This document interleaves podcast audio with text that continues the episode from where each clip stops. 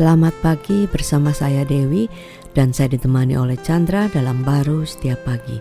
Matius 7 ayat 3. Mengapakah engkau melihat selumbar di mata saudaramu sedangkan balok di dalam matamu tidak engkau ketahui? Wah ini kayak seperti paradoks gitu ya atau sarkas gitu kan.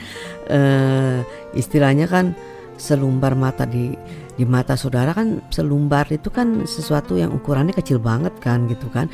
Bisa kelihatan kesalahan orang tapi eh, kesalahan sendiri itu yang begitu besar itu nggak nggak nggak tahu gitu loh kan.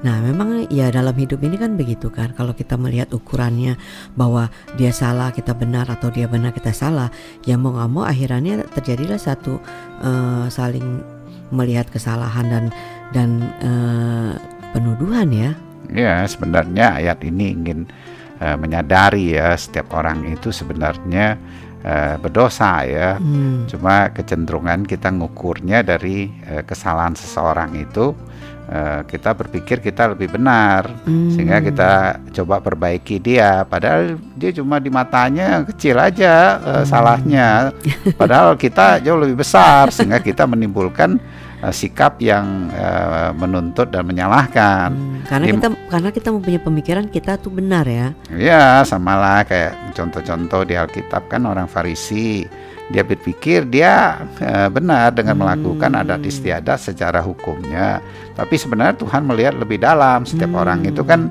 sudah jatuh dalam dosa sehingga dia uh, coba mengajarin orang kan hmm, untuk hidup benar ya, tapi betul. sebenarnya uh, itu menghalangi dia untuk melihat bahwa dia juga butuh hmm, uh, penebusan yes. uh, sebenar-benarnya dia melakukan dari hidup dosa dia tidak bisa keluar hmm. maka dia butuhkan Kristus penebusan Kristus yang menebus dosa melalui kematiannya darahnya sekali untuk selama-lamanya dan menguduskan kita. Dengan cara demikian kita memandangnya berbeda. Kita hmm. menerima kemurahan Tuhan ya dalam hidup kita sehingga kita juga enggak uh, menjadi orang yang menghakimi orang lain hmm. atas kesalahan. Kita selalu merefer atau membawa orang itu uh, melihat kepada uh, kemurahan Tuhan sehingga dikuatkan dia bisa menerima dan di eh, penebusan Kristus dan dirubahkan dalam hidupnya. Hmm. Bukan kita ingin orang itu hidup salah atau kita salah terus gitu hmm. loh.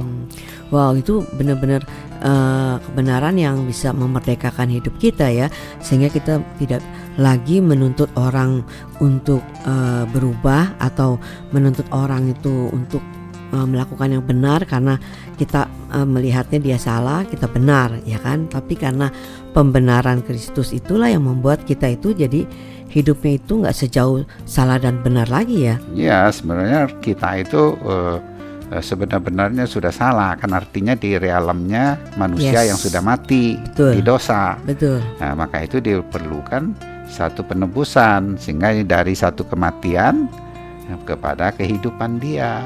Amin. Nah, itulah yang dinamakan bukan lagi sejauh usaha kita mengubah diri kita, tetapi satu hmm. kelahiran baru. Ya ulat yang nggak bisa merubah dirinya seperti kupu-kupu, kecuali yes. dia menjadi kupu-kupu.